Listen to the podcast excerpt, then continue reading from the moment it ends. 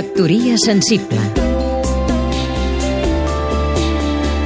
Vicenç Altaió, escriptor i activista cultural.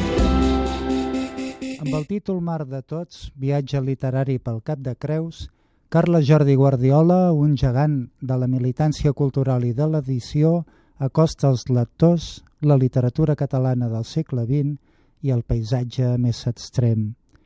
Entre Cadaqués i Port de la Selva s'ha escampat una distinció tòpica pels que no fan distinció entre llegir i mirar, escriure i pintar. És dit que Cadaqués hi domina el visual, a causa dels Pitxot, Dalí, Duchamp i Hamilton, i que Port de la Selva, Garcés, Sagarra i Foix en pinten el paisatge amb literatura. Això no és cert. Aquest llibre, que el recomano vivament, no és tant una antologia de textos moderns sobre el paisatge, sinó que és un llibre útil per llegir mentre es camina.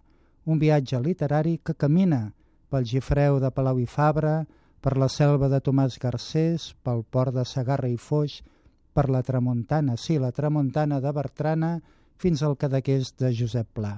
I són tots, dels conceptuals d'Ors, els pops i l'agost divin, com Ferreter i la Rosa Regàs. Catalunya és un país menut i al cap de creus vist així, aquest país tan minúscul acaba sent grandiós.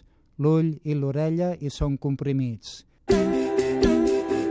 Factoria sensible Seguim-nos també a catradio.cat